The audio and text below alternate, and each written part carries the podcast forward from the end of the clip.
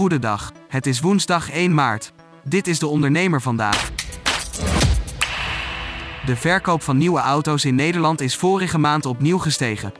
In februari werden bijna 24% meer auto's verkocht vergeleken met dezelfde maand vorig jaar.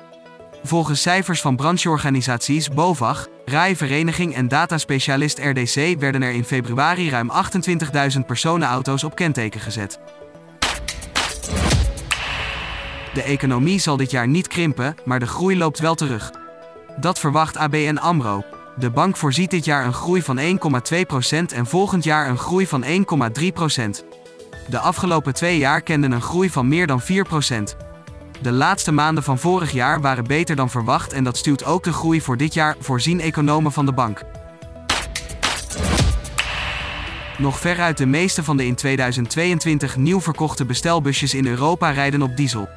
Dat meldt de Europese autobrancheorganisatie ACEA. Het gaat om 86% van de markt.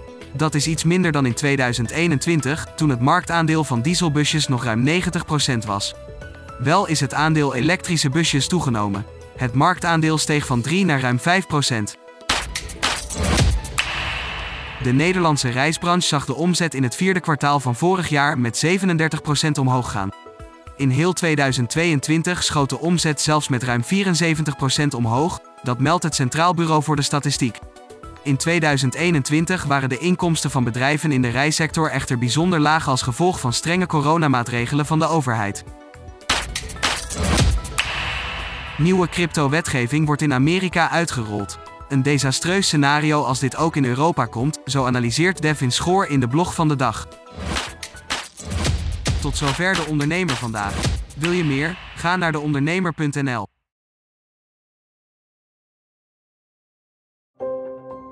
Een stip met een microfoon. Voor een ondernemer die durft te dromen van het grote succes. Een ondernemer die in de spotlight stapt om de vakjury te overtuigen van het gouden businessconcept. Dag David. Hi Ben. Welkom Nick. Christina. Ben je er klaar voor? Ik ben er hartstikke klaar voor. Ga ik de klok aanzetten. Ik, Fabienne de Vries, neem jou mee in een nieuw seizoen van Droomstart.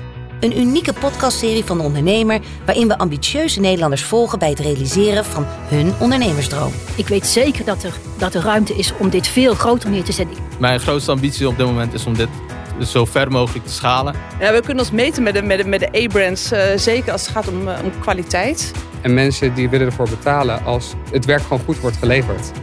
Volg Droomstart in je favoriete podcast-app en mis niets van dit unieke kijkje achter de schermen. Droomstart is een initiatief van de ondernemer en podcastbureau As We Speak en wordt je aangeboden door Credits.